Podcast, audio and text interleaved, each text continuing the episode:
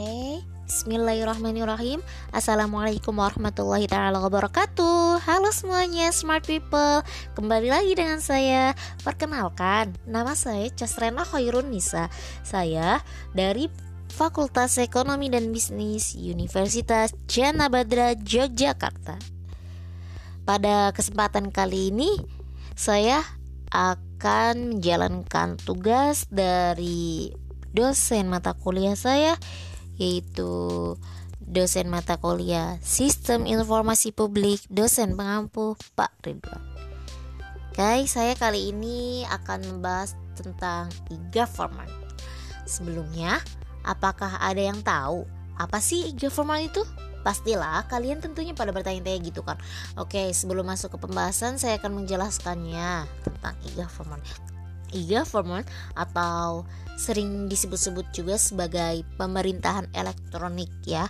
E, pemerintahan elektronik adalah penggunaan teknologi informasi oleh pemerintah untuk memberikan informasi dan pelayanan bagi warganya, bagi urusan bisnisnya, serta hal-hal lain yang berkenaan dengan pemerintahan. Intinya eh, mencangkup dengan pemerintahan gitu kan smart people, dulu pemerintahan dijalankan secara satu arah dengan tatap muka langsung antara rakyat dan penguasanya loh.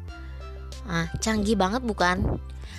Di era demokrasi kini, pemerintahan ditempatkan sebagai pelayanan masyarakat dengan sentuhan teknologi, pelayanan dapat hadir langsung di gadget kita dan komunikasi dua arah dapat terjalin. Wah, canggih juga ya. Hal ini dimungkinkan dengan adanya e-government.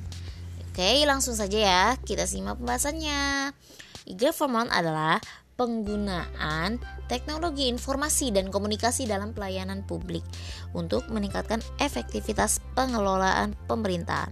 E-government juga mampu menjebatani hubungan pemerintah dengan pemerintah, hubungan pemerintah dengan sektor bisnis, dan pemerintah dengan masyarakat. E-government ini berdiri di atas tiga fondasi utama loh, Wah, apa aja tuh tiga fondasi utamanya? Oke, yang pertama ada security. Security yaitu perlindungan informasi, identitas, dan transaksi pengguna. Yang kedua ada mobility, yaitu ketersediaan layanan di mana saja. Dan yang ketiga ada transactional service, yaitu metode transaksi self service dengan pemerintah. Contohnya seperti pembayar pajak online. Uh, di sini yang ketiga ini transaksional service ini uh, sangat menguntungkan banget gitu ya buat eh, zaman-zaman uh, sekarang gitu musim-musim sekarang. Sekarang lagi musim pandemi. Uh, pemerintah uh, apa ya mewujudkan gitu. Istilahnya pemerintah mengadakan seperti pembayaran pajak online yaitu transaksional service.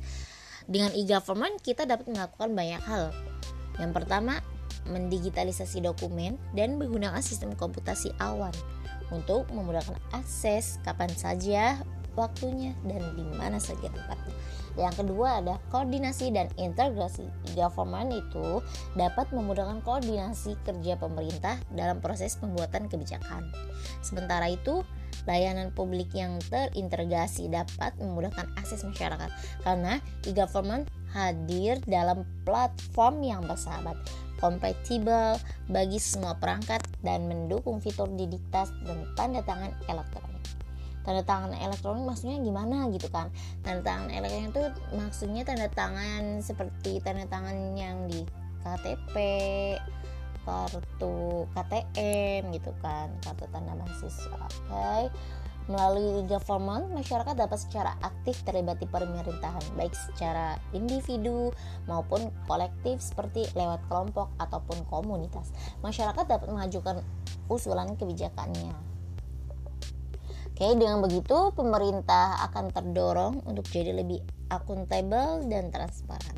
Meskipun sistem e-government ini menjanjikan banyak hal positif, keberhasilannya sangat bergantung pada partisipasi aktif dan kerjasama seluruh pihak yang terlibat. Jadi uh, intinya kalau misalnya kita bergotong royong atau kita bekerja sama keberhasilannya itu sangat luar biasa gitu hasilnya itu Nah, ini bukan tanggung jawab pemerintah aja loh, tetapi kita semua, mulai dari tukang siomay, dokter, pedagang, sampai mahasiswa akhir bulan sekalipun. Oke, okay? mungkin hanya ini saja yang dapat saya sampaikan. Kurang lebihnya mohon maaf karena kesempurnaan hanyalah milik Allah semata. Ketemu lagi di episode berikutnya. Oke, okay, syukuran akhiran wassalamualaikum warahmatullahi taala wabarakatuh.